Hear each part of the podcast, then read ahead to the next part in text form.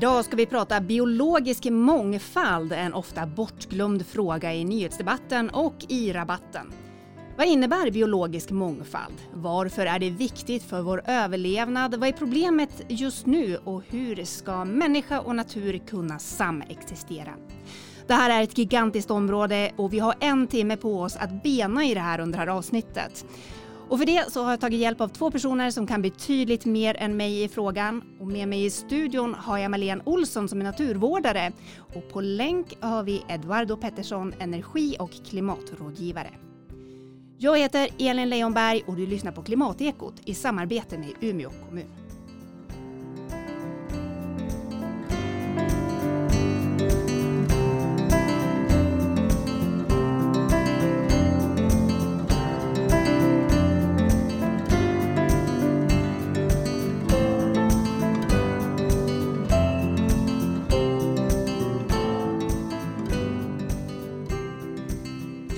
Kör igång hörni. Marlene, jag tänker att du ska få börja med att förklara vad biologisk mångfald innebär. Ja, det är jättemycket. Det är ju hela naturen, alltså hur det samspelar och vilka arter som eh, finns där och hur de samspelar sinsemellan. Varför är det viktigt då? Ja, det utgör ju våran grund kan man säga. Om man tittar ur människans perspektiv så, så är det ju våran grund för våran välfärd. Vi tar timmer därifrån, vi får älg därifrån, älgkött, eh, bär, alltså det är jättemycket just från skogen om man ser. Och sen är det ju jordbrukslandskapet får vi vår mat ifrån och det är ju pollinerarna, humlor och bin som bidrar till att vi får mat. Eh, och kan inte de hitta mat så kan de inte överleva, då faller liksom våran välfärd också. Mm. Eduardo, jag vet att du brinner väldigt mycket för den här frågan. Hur skulle du, eh, vad skulle du säga att biologisk mångfald har för betydelse? Ja, alltså jag är, jag är väl den stora lekmannen i rummet, men eh, vad ska jag säga? Nej, men alltså för mig är det väl mycket liksom historierna där jag kommer ifrån. Jag har vuxit upp på ett jordbruk och, och skogen är nära och familjen har skog och sådär. Och någonstans är det väl där också man kanske öppnar ögonen för frågan varje gång man åker hem. Eh, därför att man egentligen ser förlusten av den. Eh, och man ser eh, och ifrågasätter kanske själv också vad det är som händer och om det är på... Ja men om det är liksom åt rätt, i rätt riktning vi går och sen, sen läser man ju en del i och med att man kanske jobbar med klimatfrågorna och så och då blir det per automatik att, att frågan ställs. Eh, för mig är det ju liksom att, att vi kan leva ett bra liv eh, och att alla kan göra det då. Eh, och, och, då blir det ju viktigt att, att väldigt mycket av det vi får därifrån behålls. Eh, hur illa ställt är det då med den biologiska mångfalden? Ja, det finns ju, Sveriges lantbruksuniversitet, de eh, har ju något som heter rödlistan och följer upp arter, hur det står till och beräknar då eh, vilken sannolikhet det är att en art ska dö ut i Sverige och ha en tabell för det där. Och tittar man på vilket som är det största påverkanshotet mot arter så är det skogsbruket och kalhyggesbruket som är det största hotet tillsammans då med jordbrukslandskapet där det sker en igenväxning. Eh, så det är de två största hoten mot biologisk mångfald som det ser ut idag. Vad blir problemet då, då i och med att man hugger ner skogen? Ja, alltså det här är ju ett ekosystem som har byggts upp under flera tusen år och det finns ju väldigt finurliga samspel mellan arter. Att vi kan ta som exempel att en skogsmus, vilken betydelse den har för ugglan, ormen och bivråken till exempel och försvinner skogsmusen ja men då faller ju också de här tre andra arterna och det här är ju bara ett, ett utblick ifrån ett sådant samspel. Sen finns det ju liksom flera andra miljoner samspel som vi absolut inte har koll på. Eh, och som det ser ut så har det ju skett en nedgradering av systemet eller man kan åtminstone tänka sig att det har blivit det med den omfattningen som skogsbruket har gått fram de senaste 50 åren. Och rödlistan pratar sitt eget språk. Det är ju jättemånga arter som är knutna till skogen som är hotade och riskerar att dö ut på sikt. Och vad får det här för konsekvenser för oss människor då? Ja, till exempel så kan det vara att vi får flera insektsangrepp. Granbarkborre är ju en väldigt hotad eh, art mot skogsbruket. Den, den kan ju skövla flera hektar granskog till exempel. Det har man ju sett i södra Sverige efter stormen Gudrun till exempel, att det var ett stort insektsangrepp där. Och det är just för att man tror då att det är så liten variation i skogsbruket. För man, man gör ju, man kalavverkar och så gör man plantager. Och det blir liksom väldigt liten variation i skogslandskapet. Och det här gör ju att få granbarkborren fäste i en, en granplantering eller en granskog eh, så kan det ju få stora konsekvenser för skogsbruket men vi får ju också inte de här resurserna som timmer och, och även bär och, och lavar på sikt kommer ju också försvinna liksom. Men om man då tar granbarkborren som ett exempel, mm. eh, vad är det som har gjort att den kan, kan bre ut sig så mycket? Är det att den inte längre har naturliga eh, fiender eller är det liksom själva miljön i skogen eller vad, vad beror det på? Ja, det är en kombination av olika faktorer. Dels så är det klimat, att den, den får starkare fäste eh, och sen så är det att det finns, om man kan säga att eh, det finns fiender men, men just att det är så mycket plantager och, och, på sikt så blir det liksom en likartad skog som den kan bara plöja sig igenom så att det är förändringen av skogslandskapet skulle jag säga som har gjort att den får så starkt fäste. Mm. Det är ju en väldigt infekterad fråga det här med skogsbruk och hur skogen ska brukas. Eh, Edvard, varför tror du att det är så infekterat? Oj, ja, men jag tänker det är ju en stor eller det kanske historiskt har varit en stor näring. Alltså jag tänker min farfar och pappa har ju liksom båda kommit ur skogen. Eh, och på något sätt är det ju liksom...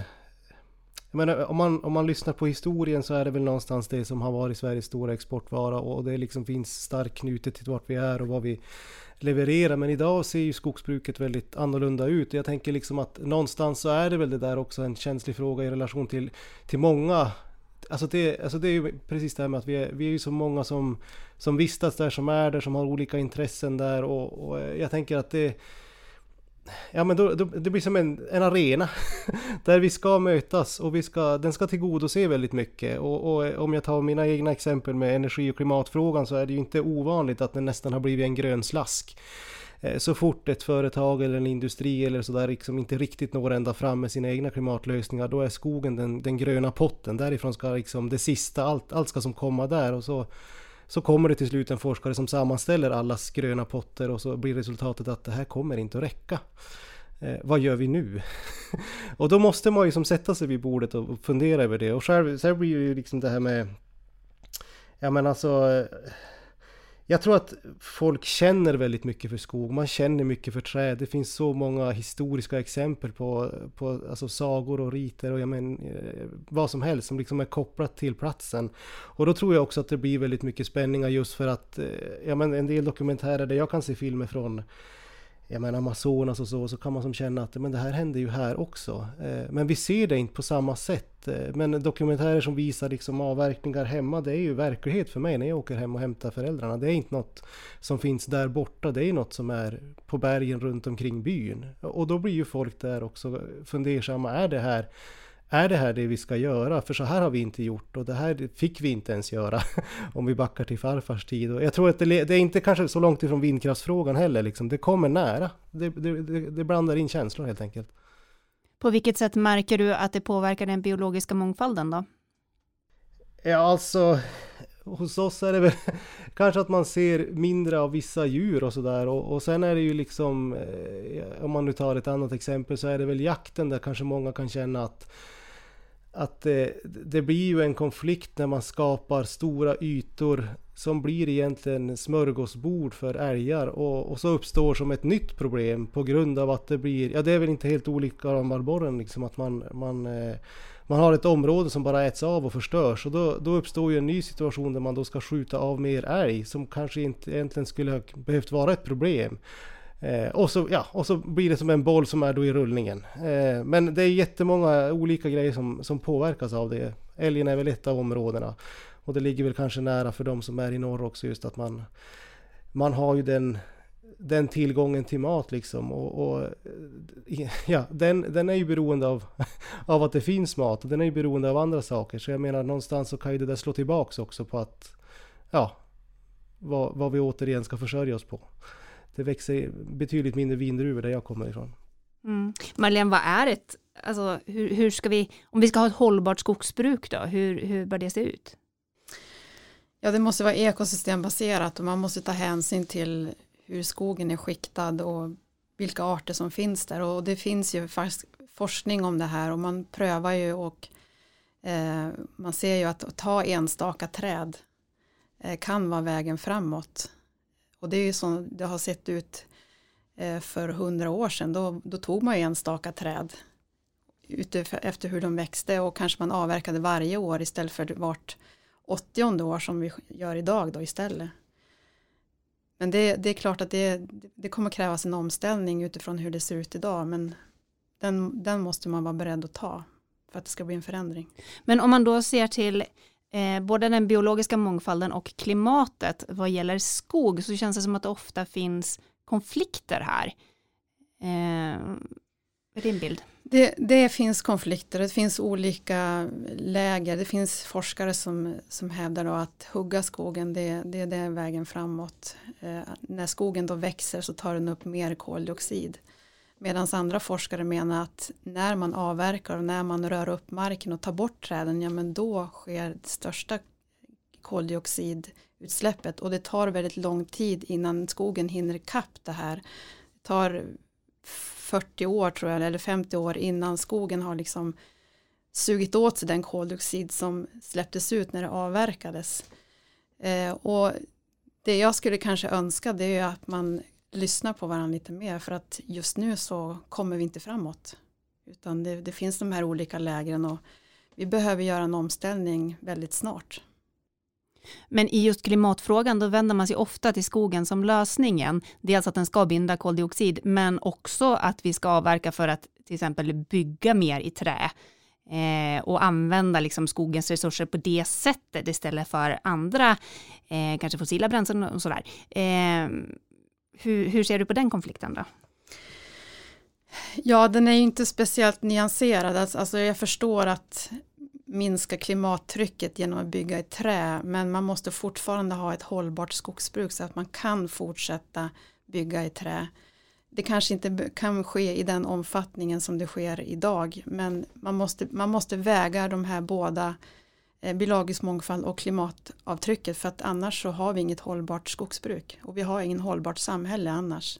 Och det här glöms ju bort när man tittar bara på det ena, ja men vi ska minska klimatavtrycket, men vad händer i skogen? Ja men den debatten glöms bort. Mm. Eh, om man tänker på biologisk mångfald så är det ju så mycket mer än skogsfrågan. Eh, och det här är ju faktiskt ett område som inte diskuteras jättemycket i media om man jämför med klimatkrisen. Vad tänker du om det, Eduardo? Eh, ja, men jag tänker lite grann att eh, Ja men dels är det väl liksom en tyst kris. Det är väl det första. Men jag minns att när jag började med, med, med det jag på något sätt håller på med idag så eh, Ja men vi backar 10-11 år. Då kom ju den här stora studien. Den som, eh, den som en, en stor grupp av, av internationella forskare släppte. Och Johan Rockström är väl Sveriges namn i, i den gruppen. Eh, och man släppte liksom en bild med nio gränser som vi ska hålla oss innanför. Och redan då för 10-11 år sedan så var ju biologisk mångfald den som var mest överträdd. Den var liksom långt, långt utanför den gräns som vi kan hålla oss innanför. Eh, och det, med det sagt så är det ju så att vi, vi kan ju göra övertramp och vi kan liksom, vi, vi kan liksom eh, bygga det perfekta samhället. Men så länge vi är innanför den gräns så är vi safe och då kan vi leva och må bra där innanför. Men just den var långt innanför klimatet och, och det är ju väldigt märkligt varför den på tio års tid inte liksom har tagits i mer och nu börjar man ju kanske mer se att det kommer mer och mer larmrapporter utifrån det. Och jag, jag, tänker att det mycket har att göra med att klimatet syns mer. Det är eh, en, en, en grogrund för stormar och orkaner och eh, väldigt stora ting som vi omedelbart blir påverkade av. Eh, och det blir väl det blir väl på något sätt då också en larmklocka som man, som man vaknar till av. Medan det här tysta hotet som kanske är egentligen större.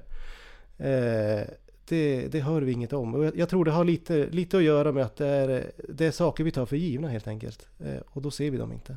Och, och, den krisen vill vi inte se när biologisk mångfald gör så kallade stormarna. För att då, då har vi en ordentlig kris och, och det är inte vi som kommer drabbas av det utan det är framtida generationer som kommer ta den. Eh, och när biologisk mångfald har fallit, ja men då finns det ingen som kommer att bygga upp det här idag när det blir en klimatkris och det kommer en storm eller en översvämning, ja men då är naturen där och reparerar sig själv. Men, men den dagen när biologisk mångfald har nedgraderats till den nivån att den inte kan bygga upp sig själv, då är vi illa ute. Och dit vill vi inte komma och det är det som man måste ta på allvar och det är därför man måste göra en omställning av skogsbruket. Eftersom det är det största hotet mot hotade arter idag. Och artmångfalden också. Jag när ju någonstans ett hopp att skogen också på något sätt är den stora räddningen. För jag tänker ju att, att det här med skogsbruk, det ska ju inte försvinna. Jag tror inte det är någon som vill att det ska tas bort.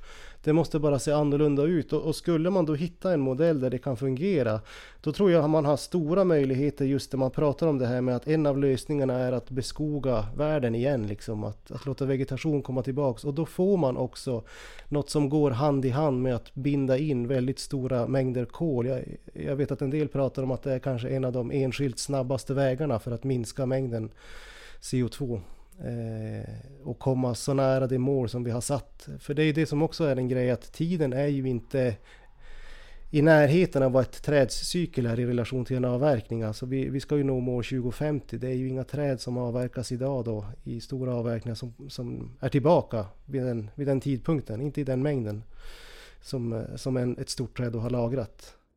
Nej, nej men så, så är det ju. Och, och de, eftersom de samverkar och vi lever liksom i ett kretslopp, allting hänger ihop. Om vi satsar på biologisk mångfald, ja, men då kommer vi lösa klimatkrisen också. Och vi måste göra det här tillsammans i ett globalt perspektiv. Och det kan ju bara politikerna ta tag i egentligen, det här globala. Det måste till politiska beslut för det. Som alla tar på allvar. Om man då tänker på urbaniseringen och eh, allt större städer, hur påverkar det den biologiska mångfalden? Ja, alltså ur, nu är jag stadsbo själv och jag kommer ju precis som Eduardo från inlandet eh, och jag ser ju påverkan som eh, urbaniseringen ger, att det blir större kalhyggen, resurserna tar ju utifrån och där bor ju mindre folk som kanske skriker till och säger nej men nu får det vara nog. Och här i stan så ser man kanske inte krisen lika väl. Eh, så att jag tror att urbaniseringen har definitivt en påverkan på det skogslandskapet och miljön runt omkring. Jag tänker att det, är ju många städer runt om i världen som också har stora problem med rent vatten och det är också en del av eh, att bevara den biologiska mångfalden hur, hur kan man liksom bygga städer som ändå på något sätt gynnar det här systemet? Går det ens? Ja, det där är en jättekomplex fråga. Ehm, det är klart att gröna miljöer och ha en grön infrastruktur, alltså gröna motorvägar inne i stan, så att arter kan sprida sig mellan de här äh, öken som det blir i jämförelse med övriga skogslandskapet. Det är klart att det skulle vara mycket, mycket bättre och, och att vi samspelar med, med naturen även i stan. Det skulle vara en hållbar stad. Vad säger du Eduardo? Ja, när jag sitter och tänker på en del av, av grejerna, för visst är det så att man jobbar med, med, med just eh, gröna korridorer och man jobbar med att, men jag tänker det här med vägslänter och sånt, att man har upptäckt att det, det är väldigt viktiga miljöer som, som på något sätt kan ersätta gammal det som tidigare kanske har varit väldigt artrik gammal jordbruksmark har man insett att det, det finns sådana områden om vi bara låter bli att röra dem som också kan finnas i stadsmiljö. Eller jag vet inte, har jag fel Marianne? Absolut, och, och, det finns ju försök på Umeå kommun att man har börjat sluta klippa gräsmattor till exempel. Inte överallt, eh, men det finns i alla fall att man har påbörjat det. Och även att man planterar mera träd så att fåglar till exempel kan sprida sig igenom ett ganska de är ganska skygga fåglarna så de vill ju ha en säker miljö och då är träd, trädrader kan räcka liksom i en stadsmiljö för att de ska känna sig trygga. Tillsammans med lite större grönområden. Då till. En sak som jag inte hade tänkt på förut som jag insåg när jag höll på att läsa på lite inför det här avsnittet det var ju trädens roll eh, för vatten också och vattenavrinning och vilken mängd ett träd kan suga upp Ja, det är också en väldigt, väldigt bra dagvattenåtgärd att suga upp vattnet som kommer på hårda ytor. Eh, så det är en multifunktionell Eh, ja, vad ska man kalla funktion som ett träd har faktiskt. Suger vatten och bra för biologisk mångfald. Men du var inne på det här med gräsmattor och att kommunen försöker att klippa, nå, i alla fall vissa ytor som inte klipps i samma utsträckning. Om man då tänker till den vanliga villaägaren, eh, ofta senare år nu så har man ju hört att ja, just det här argumentet att klippa inte gräsmattan för att värna insekterna. Eh, kontra, alltså hur, hur viktigt är det liksom, i en villaträdgård? Ska vi bara helt sluta klippa gräsen eller vad, vad kan vi i villaträdgården göra för att gynna biologisk mångfald i det lilla? Mm. Eh, jag tänker så här, alla kan göra någonting och vi kan alla tillsammans göra någonting bra, även om man bara gör en liten del.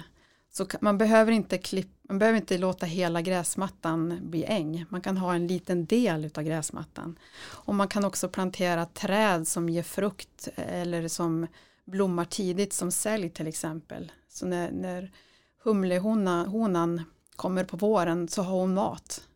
Eh, bara en sån enkel åtgärd. Och, och gör vi det här allihopa, eller väldigt många i alla fall, så, så bildar vi ju den här gröna motorvägen inne i stan.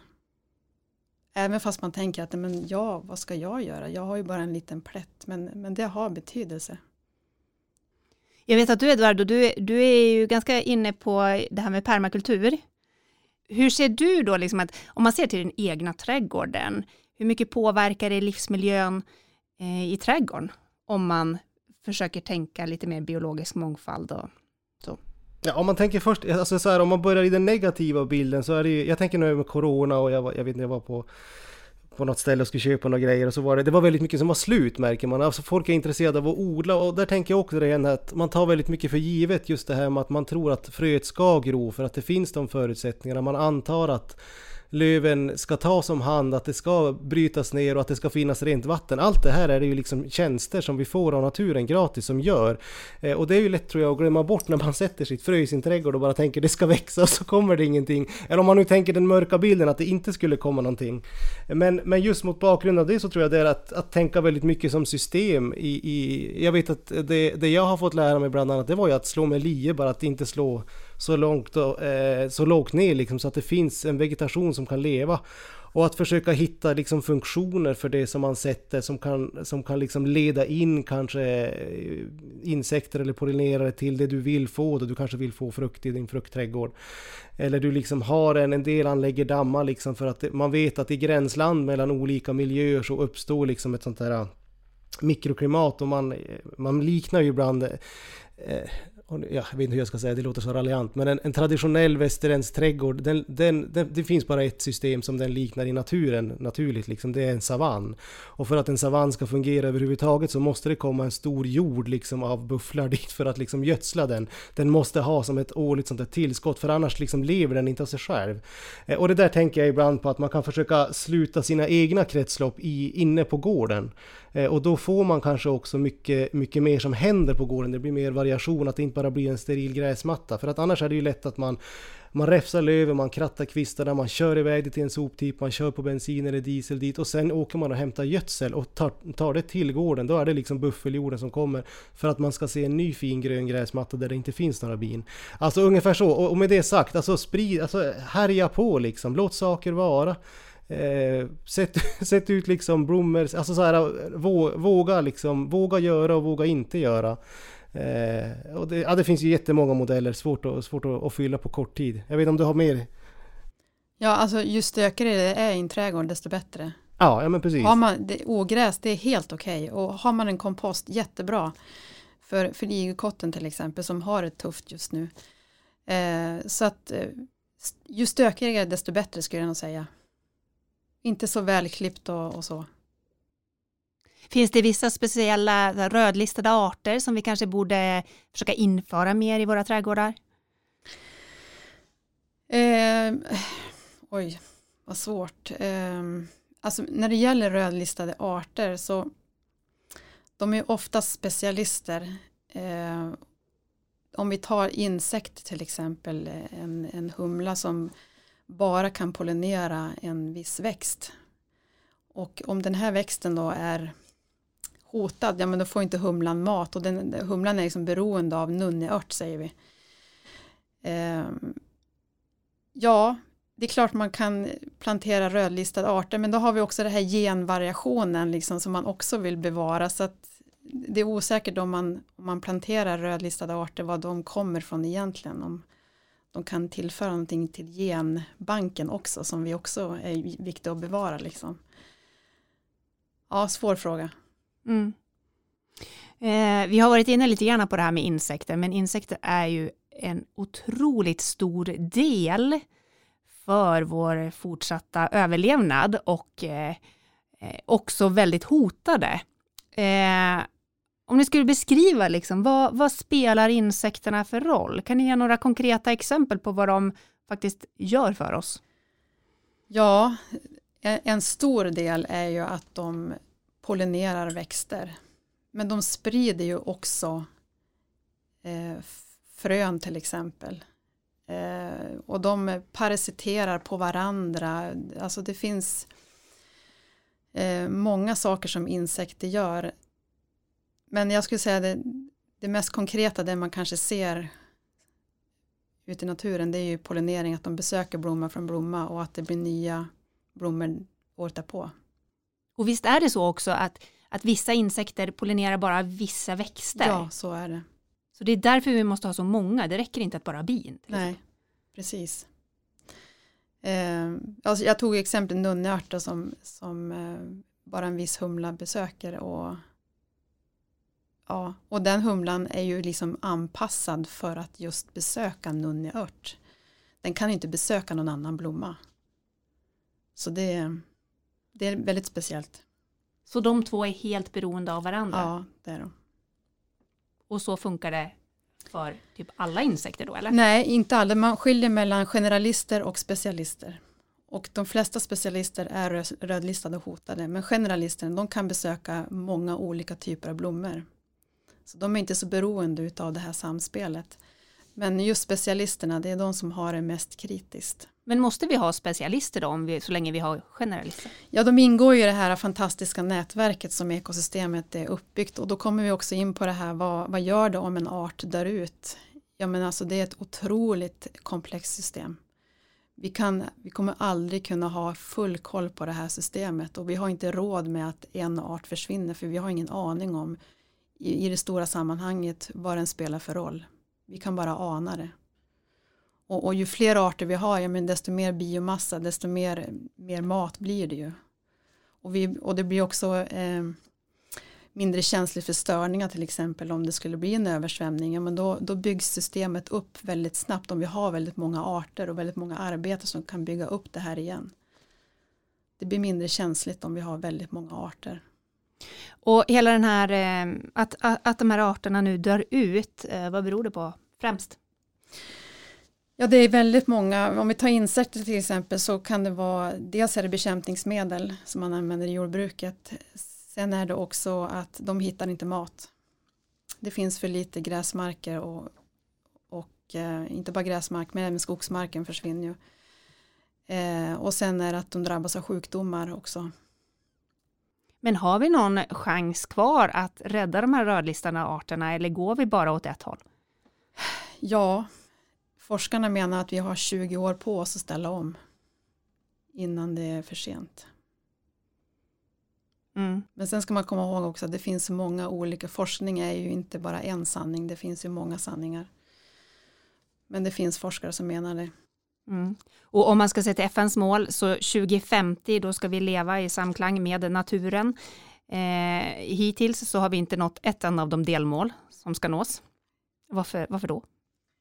Ja, alltså tittar man på vilka som är största hoten och nu, nu talar jag om Sverige, då är det skogsbruket och sen är det igenväxning av jordbruksmarken tillsammans med intensifieringen av jordbruket. Eh, där görs ju inte speciellt mycket åtgärder, inga kraftfulla åtgärder i alla fall. Och, och ska vi komma till rätta med, med hoten mot biologisk mångfald, då är det där vi måste jobba. Vi måste, vi måste eh, ha en efterfrågan på lokala jordbruksprodukter till exempel, ekologiskt jordbruk. Vi måste göra en omställning av skogsbruket för att vi ska nå de här målen. Jag tänker någonstans att, att där finns också det stora hoppet i, i det hela. För att om man kommer dit så vet man ju att det finns väldigt stora möjligheter för naturen att liksom reparera sig själv. Eh, och att det, alltså just det här med på tal om vad vi vill ha liksom och, och, varför vill vi ha insekter och hela det här liksom. Ja men vilka, vilka törs vi då ta bort som du är inne på? Att där, där liksom, du får rätta mig om jag har fel men, men där bör ju den här eh, försiktighetsprincipen gälla. Och jag, jag tänker ibland kring samhällsdebatten där, jag vet inte om det är något du håller med om Marlene, men att att det känns ibland som att bevisbördan blir lite fel. Det är som att, ja men kanske personer som du, naturvårdare, biologer på något sätt, de ska förväntas komma med svaren. Eller som, vara som de som ska komma till istället för att man vänder på det liksom. Att det är, om, om jag går in och ska göra ett ingrepp i den här naturen, i den här skogen, i den här marken liksom. Då ska jag också kunna visa på att jag inte skadar eller förstör så pass många ekosystemtjänster att det liksom egentligen inte borde göras alls. Eller jag vet inte, håller du med om det? Jo men så är det ju och man, man hamnar ju liksom i en, ehm, man ska kompromissa. Men, men det är ju inte försiktighetsåtgärden att kompromissa, man måste ta till yttergränserna och det upplever jag att det, det, är ganska svårt att göra det. För att som du säger, man ska komma med ett bra svar så att man kan göra det man har tänkt göra. Eh, och då hamnar man liksom i mitten på något vis. Men vad borde vi kräva som väljare av våra politiker då? Jag tycker att, eh, återigen då, vad är de största hoten mot biologisk mångfald? Och även klimatet kommer ju hänga på där och det är ju skogsbruket, en, en omställning av skogsbruket på nationell nivå. Och då har vi ju statligt skogsbolag, Sveaskog tycker jag skulle kunna gå i, i bräschen för det här och, och börja med den här omställningen. Men de måste ju ha ett, ett eh, regeringsuppdrag. De kan ju inte göra den här omställningen på eget bevåg utan det, det krävs politiska beslut. Vad kan en kommun göra för att främja mångfalden? Förutom gröna korridorer? De kan anställa naturvårdare med ekologisk kompetens tycker jag. Det är inte alla kommuner som har det. Eh, och sen ha en, en plan för biologisk mångfald. Och att det ska följa nationella uppdrag, till exempel propositionen om biologisk mångfald. Det, det borde också gälla kommuner. Ja, för det där är väl också ett problem just med biologisk mångfald. Att, att egentligen så, det är väl Corona som har ställt till det där i grunden. Att man skulle ha ett motsvarande typ eh, toppmöte. Men eh, alltså det, man skulle helt enkelt ta fram ett avtal, men enbart för biologisk mångfald. Som låg precis lika, i lika stor paritet och med samma mandat som Parisavtalet. Men det skulle helt och hållet enbart gälla för biologisk mångfald. Men det föll på grund av Corona. Men det ska tas upp igen, vet jag.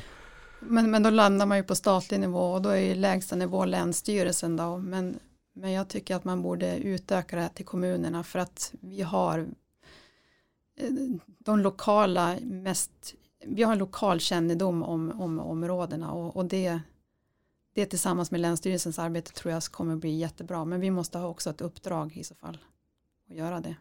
Annars kommer det inte hända så mycket. Om man då om vi går vidare, och så, så invasiva arter hör man ju också väldigt mycket om. Och problemet med invasiva arter. Eh, om vi börjar i vad, varför är det ett problem? Ja, det, vi har ju en del invasiva arter som har funnit sig till rätta, eller åtminstone på okej nivå. Om vi tar kanadagåsen till exempel, har ju funnits här jättelänge och den är ju en del av våran fauna nu. Eh, men om vi tar lupin då till exempel som man ser i var och varannan väggren. Det är ett jätteproblem och den är jättesvår att bli av med och nu har den spridit sig till den omfattningen att det blir svårt att bekämpa den. I så fall måste vi hela Sveriges befolkning bestämma sig för att nu ska vi bekämpa lupin och ingen har lupin i sin trädgård. Eh, och det, alltså det tar flera år, man får liksom gräva upp rötterna och den konkurrerar ju ut all annan eh, växtlighet och tar över helt och hållet. Så den är ju ett hot mot vår biologisk, mång, biologisk mångfald. Eh, så de har ju inga naturliga fiender, för det är ju oftast då att man för in arter från andra länder.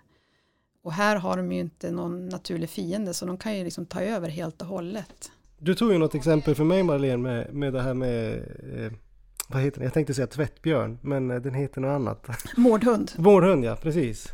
Eh, alltså jag tänker just det här med om, om man som generell person liksom som inte alls har något intresse, vad hade man då sagt? Ja, en del som jag har hört, de kan ju som prata om att men är det inte svinbra det här med att det kommer in grejer? Eh, och vi kan nyttja en del av plantorna och en del av dem klarar sig längre i växt och så. Då tog du eh, mårdhundsexemplet där som direkt egentligen innebär en stor risk för, för oss människor. Precis, och mårdhund är ju en, en art som har spridits från Finland och vi har ju som inte fört in den hit på, på det sättet. Den har ju kommit hit naturligt men den för ju med sig, dels så är den i hot mot fågelfaunan. Eh, att den hotar liksom fåglarna men sen också att den, den sprider dvärgbandmask.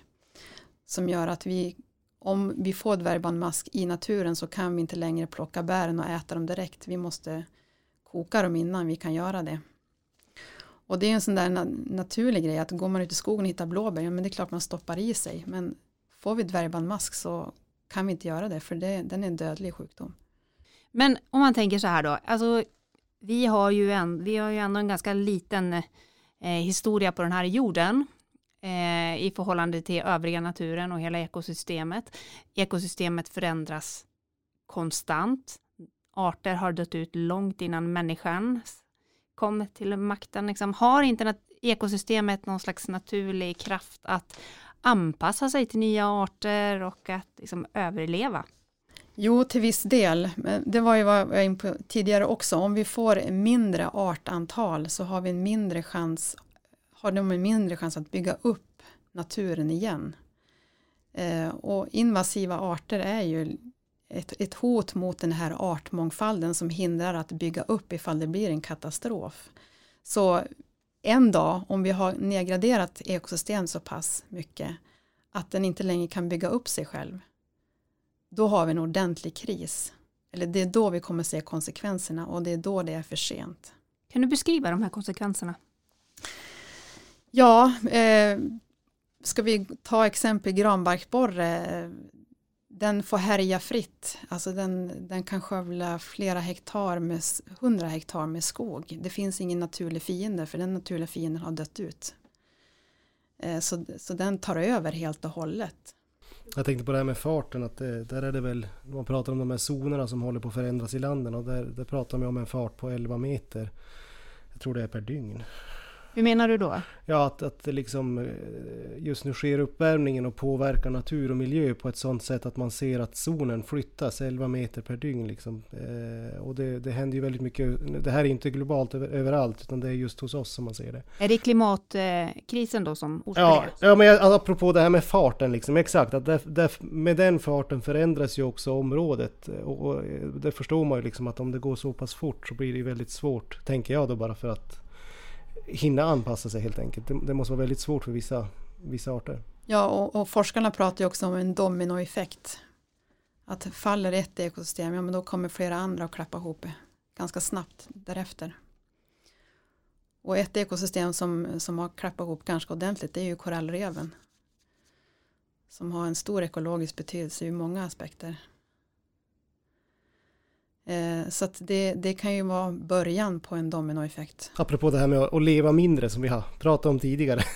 att om man bara liksom, eh, ja men jag tror det var någon biolog som pratade om det att, att det, finns, det finns utrymme, vi behöver bara liksom krympa ner våran vardag liksom. Och det betyder inte att vi kommer att förlora alltså så, här, så pass mycket att det inte liksom finns ett värde av livet utan vi kommer fortfarande att ha det bra. Men, men vi måste bara krympa det vi använder och brukar. Och jag tror det var någon teatergrupp i Umeå som hade, de hade en fantastisk show som de gjorde kring att de tog fram en häftig produkt och den hette någon Laser Zero någonting. Och det, det var en sån där vattenskjutbössa med, med så här häftiga namn och det var så bra för de belyser så tydligt, är det här en nödvändig produkt?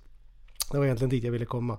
Eh, och den kanske inte är det och speciellt inte om man börjar sätta en prislapp på den som är på bekostnad av, av vad den då kanske har korta, kostat i, i artrikedom. Nej men precis, för, för även kon, vår konsumtion påverkar ju det här tänker jag, liksom, eh, eh, om man tänker modeindustrin och eh, tillverkningen av bomull och vad det får för konsekvenser på miljön.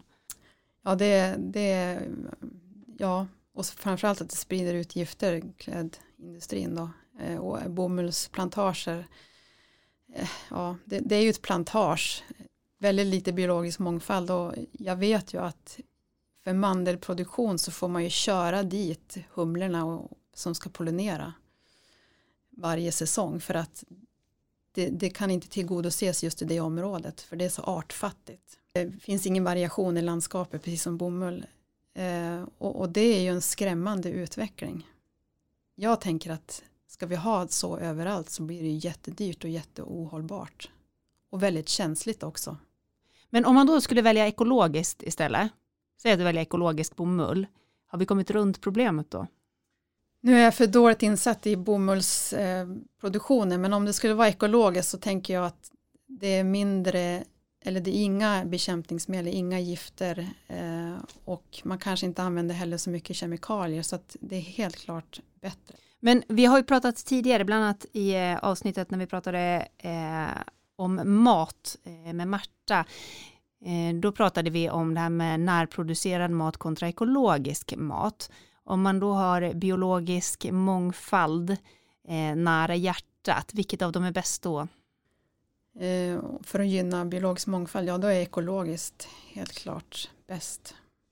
Men det beror ju också på, här uppe kanske vi inte har så jättestora jordbruk, men, men om man ska jämföra med konventionellt jordbruk med ekologiskt jordbruk så är det ju större variation i landskapet med ekologiskt jordbruk. Man använder mindre gifter, man lämnar trädrader, man Eh, släpper ut mindre näringsämnen i sjöar till exempel eh, som det konventionella jordbruket inte gör och de använder också bekämpningsmedel som ett hot mot pollinatörerna. Eh, så att grönsaken som produceras ur ett ekologiskt jordbruk är ju bättre betald. Alltså den, den har mindre miljöpåverkan än, som, än det som har producerats i ett konventionellt jordbruk. Edvardo, får du i din roll som eh, energi och klimatrådgivare på kommunen, får du någonsin frågor och samtal kring biologisk mångfald? Man kanske inte ställer frågan just så, men däremot pratar man om, eh, alltså man ringer för att fråga om, eh, om hur man kan ställa om sin plats. Eh, och då är det utifrån många olika aspekter och då kan trädgård vara en.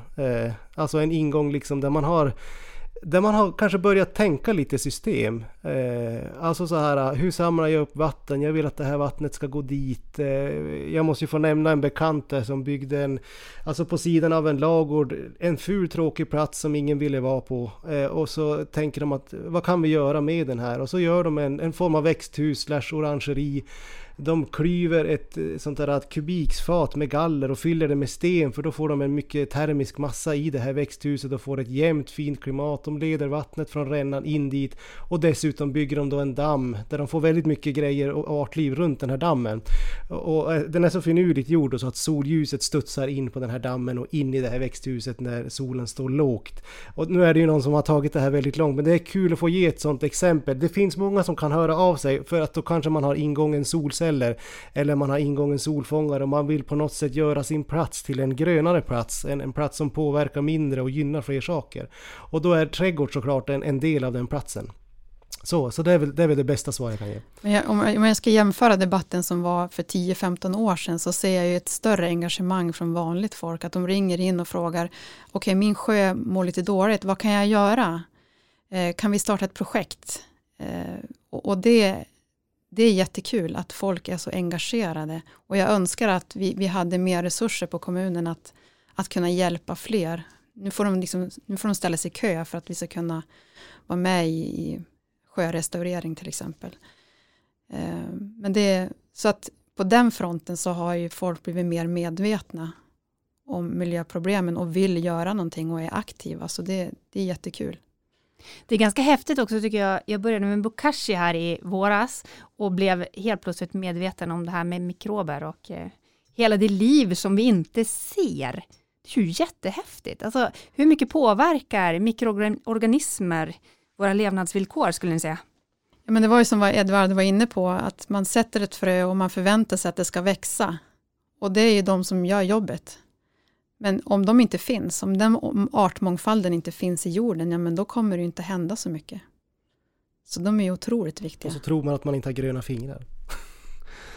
Att man liksom är, Ja. är utan det där liksom. Nej men jag, jag håller, nej men precis. Eh, och jag tänkte just på det här när vi var inne på insekter och vad de gör. Alltså jag, jag kan inte låta bli att ta ett exempel. Hemma hos mig så svär man ju så ofta åt myggen. Och det gör man säkert här också. Men jag kommer ju ännu längre norrifrån. Eh, och jag fick veta för inte alls länge sedan att eh, Ja det var en, en forskare som brukar ställa en motfråga. Tycker du om choklad? Och då lyfte hon det här exemplet just med med, med de små liven liksom och vad de gör. För då är det tydligen en mygga då som gör, möjliggör väldigt, väldigt mycket av eh, kakaoproduktionen. eh, och det vi då kanske till vardags bara svänger förbi och köper eller, eller så här. Ja, vi är ju inte, vi är inte ledsen åt choklad, i alla fall inte många av dem jag känner. Eh, och det är ju som du säger där med att det bryter ner saker i trädgården. Det, liksom, det gör att vårt vatten kanske är rent. Det är ju det är jättemånga saker som man glömmer. Eller tar för givet. Så här. Det, det finns ju, man har jämfört bilder med om vi har pollinering i landskapet om vi inte har pollinering i landskapet. Ja, då var det typ apelsiner som vi kan producera, allt annat försvinner. Jaha, okej. Eh, det var, det, det är en tråkig bild faktiskt. Och det är ett exempel på vad insekterna faktiskt gör. Ja, för då skulle man ju kunna koka ner det till vilka saker kan vi, alltså om vi ska kompromissa med, med biodiversitet, vilka, då är det ju som att säga vilka, vilka fem livsmedelsprodukter ska vi lämna kvar? Eh, och, och så hoppas vi att de blir kvar också. Och de kommer ju inte bli kvar för de är väldigt, eh, de- blir känsliga för, eh, för störningar. Då om det blir översvämning i, och- i apelsinplantagen till exempel, ja men då får vi inga apelsiner. Nej, ja, precis. Men hur mycket skulle ni säga att eh, biologisk mångfald och klimat går hand i hand kontra hur mycket konflikt finns det mellan dem? Ja, nu ska jag använda lite krångliga ord. Eh, man brukar säga att biologisk mångfald är en biotisk faktor och klimat är en abiotisk faktor, men att de samverkar tillsammans. Eh, och biotiska är ju liksom det man kan ta på träden, skogen, eh, mossan, medan då klimatet är liksom vädret och, och hela den där biten. Eh, och de är ju som beroende av av varandra. De, de, skogen är beroende av regn, eh, sol, Eh, Och tillsammans så, så blir det den här vattencykeln också, att det avdunstar vatten och, och bildas nytt vatten eh, som rinner ner i marken och så går det som en cykel. Eh, så att de hänger absolut ihop och är beroende av varandra. Och det ser man ju också, man pratar om eh, massutrotning av arter och det är ju en delvis är ju på grund av klimatet att det blir varmare. Det är en, en stor anledning varför korallreven har dött ut, det är för att vattnet har blivit varmare. Och det är en klimatpåverkan. Och Amazonas är väl jag på att säga, exemplet på andra sidan världen. Där man har den där cykeln men, men den är så, ja, den, den påverkas ju både av, av oss, höll jag på att säga kanske framför allt. Men också av det som händer. Eh, jag såg eh, David Attenberg har ju släppt en ny dokumentär. Har, har du sett den Marlene? Nej, jag har inte sett det. Nej, jag vet att du Edvardo har den på lager i alla fall. Jag har den på lager, ja precis. Den ligger på lager. Eh, the year the earth changed heter den och handlar om vad som har hänt på jorden under coronapandemin och nedstängningen. Vad som hände när vi människor drog oss tillbaka och städer stängde ner, stränder stängde ner och vad som hände med djurlivet. Och det var helt fantastiskt att se. Eh, hela den dokumentären är bara ren glädje så den kan jag varmt tipsa om. Eh, hur djuren på något sätt återerövrade marken och där, där man tidigare trott att man har kunnat samexistera såg man att helt plötsligt så blev eh, djurpopulationen mycket större eh, när de fick återgå till sitt naturliga sätt att leva som vi inte ens visste att det var så de levde för vi trodde att vi hade hittat en bra balans.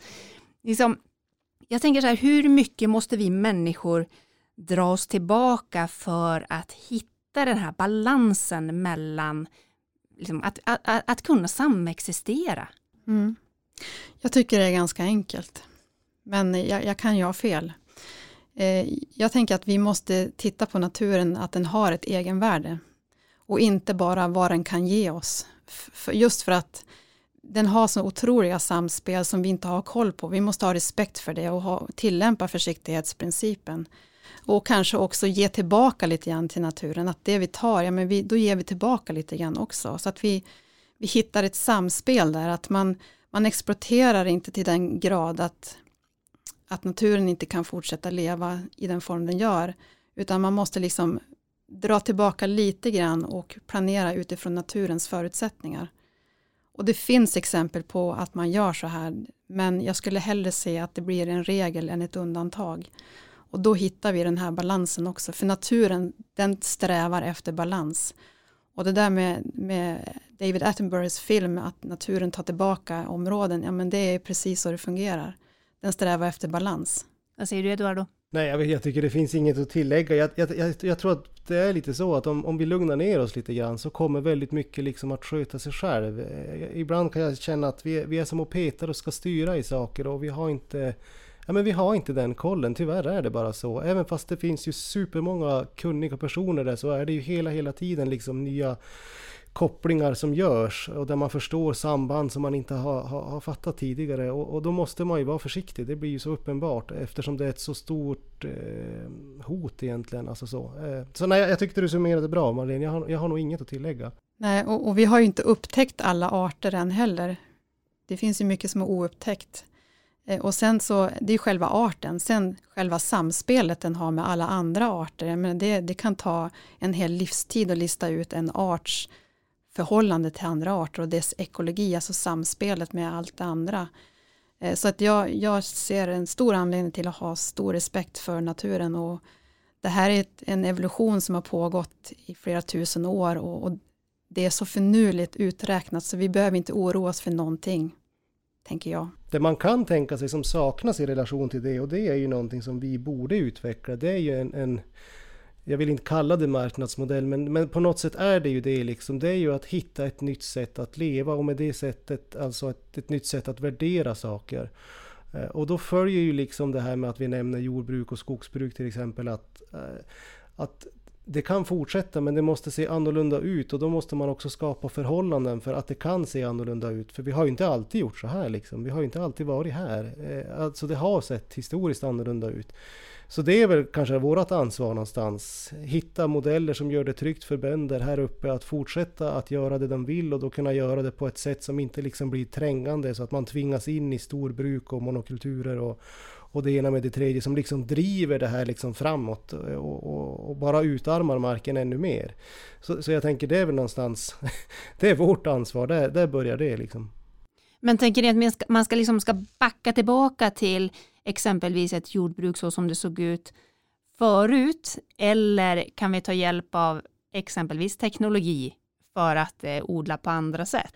Alltså jag tänker att vi har alla förutsättningar. Om vi tittar för hundra år sedan, vi, har inte, vi hade inte den forskningen då, vi hade inte den kunskapen som vi har idag. Så jag tänker absolut att vi har det som krävs för att göra en omställning. Vi, vi måste bara samarbeta över olika kompetenser och har respekt för varandras kompetenser så kommer vi fixa det här. Och det finns sådana samarbeten men, men som sagt jag skulle hellre säga att det blir en regel än ett undantag att sådana här samarbeten sker. Då kommer vi fixa det. Nej, jag tänker på, jag vill nästan citera den här, i, i Sverige heter den ju 100% bonde, men, men eh, Frank Ladegard Eriksen, som, han, jag tycker han har uttryckt och summerat det så bra just där med att det handlar inte att gå, om att gå bakåt i tiden, det handlar om att, att hitta modeller och lösningar som kanske har funnits historiskt och som vi kan dra nytta av för att göra livet mera enkelt. Och är det en bra lösning, då ska vi använda den. Precis som teknik framåt kan vara en dålig eller bra lösning. Är den bra, då ska vi behålla den och resten ska vi ta bort. Liksom. Det är det det handlar om. Eh, så att det inte blir den här bilden av att bakåt illustreras av ett samhälle med, av umbäranden som var förr i tiden. Utan, utan det handlar om att, att nyttja det som är effektivt eh, och funkar liksom, för ett enkelt liv. Så. Mm. Vi har pratat om eh, vitt och brett i det här avsnittet. Biologisk mångfald är ett gigantiskt område och vi har bara nuddat vid, vid de olika delarna eh, och några av de olika delarna. Men vad skulle ni säga nu att de som har lyssnat på det här avsnittet, vad vill ni att de ska ta med sig främst?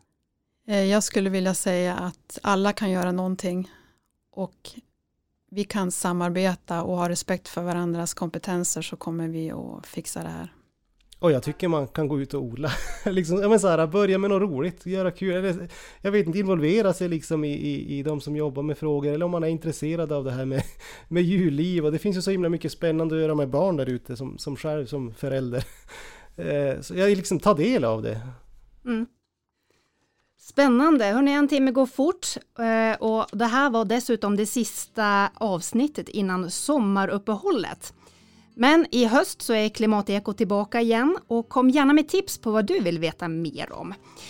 Det finns även en nystartad Facebookgrupp som heter Klimatekot Lev hållbart och gå gärna med i den gruppen. Där är tanken att vi ska hjälpas åt att inspirera varandra till en mer hållbar livsstil. Vi ska ge tips, ställa frågor och utbyta idéer. Och I den här gruppen den vill jag att det ska vara ett forum där det är högt i tak men där vi alltid är tillåtande och snälla med varandra. Så vill du vara med och diskutera hållbarhet, få och ge tips, då ska du gå med i Facebookgruppen Klimatekot Lev hållbart. Och om du inte redan har gjort det, klicka följ eller prenumerera i din poddspelare så missar du inte när vi kör igång igen till hösten. Fram tills dess så hoppas jag att du får en riktigt skön sommar.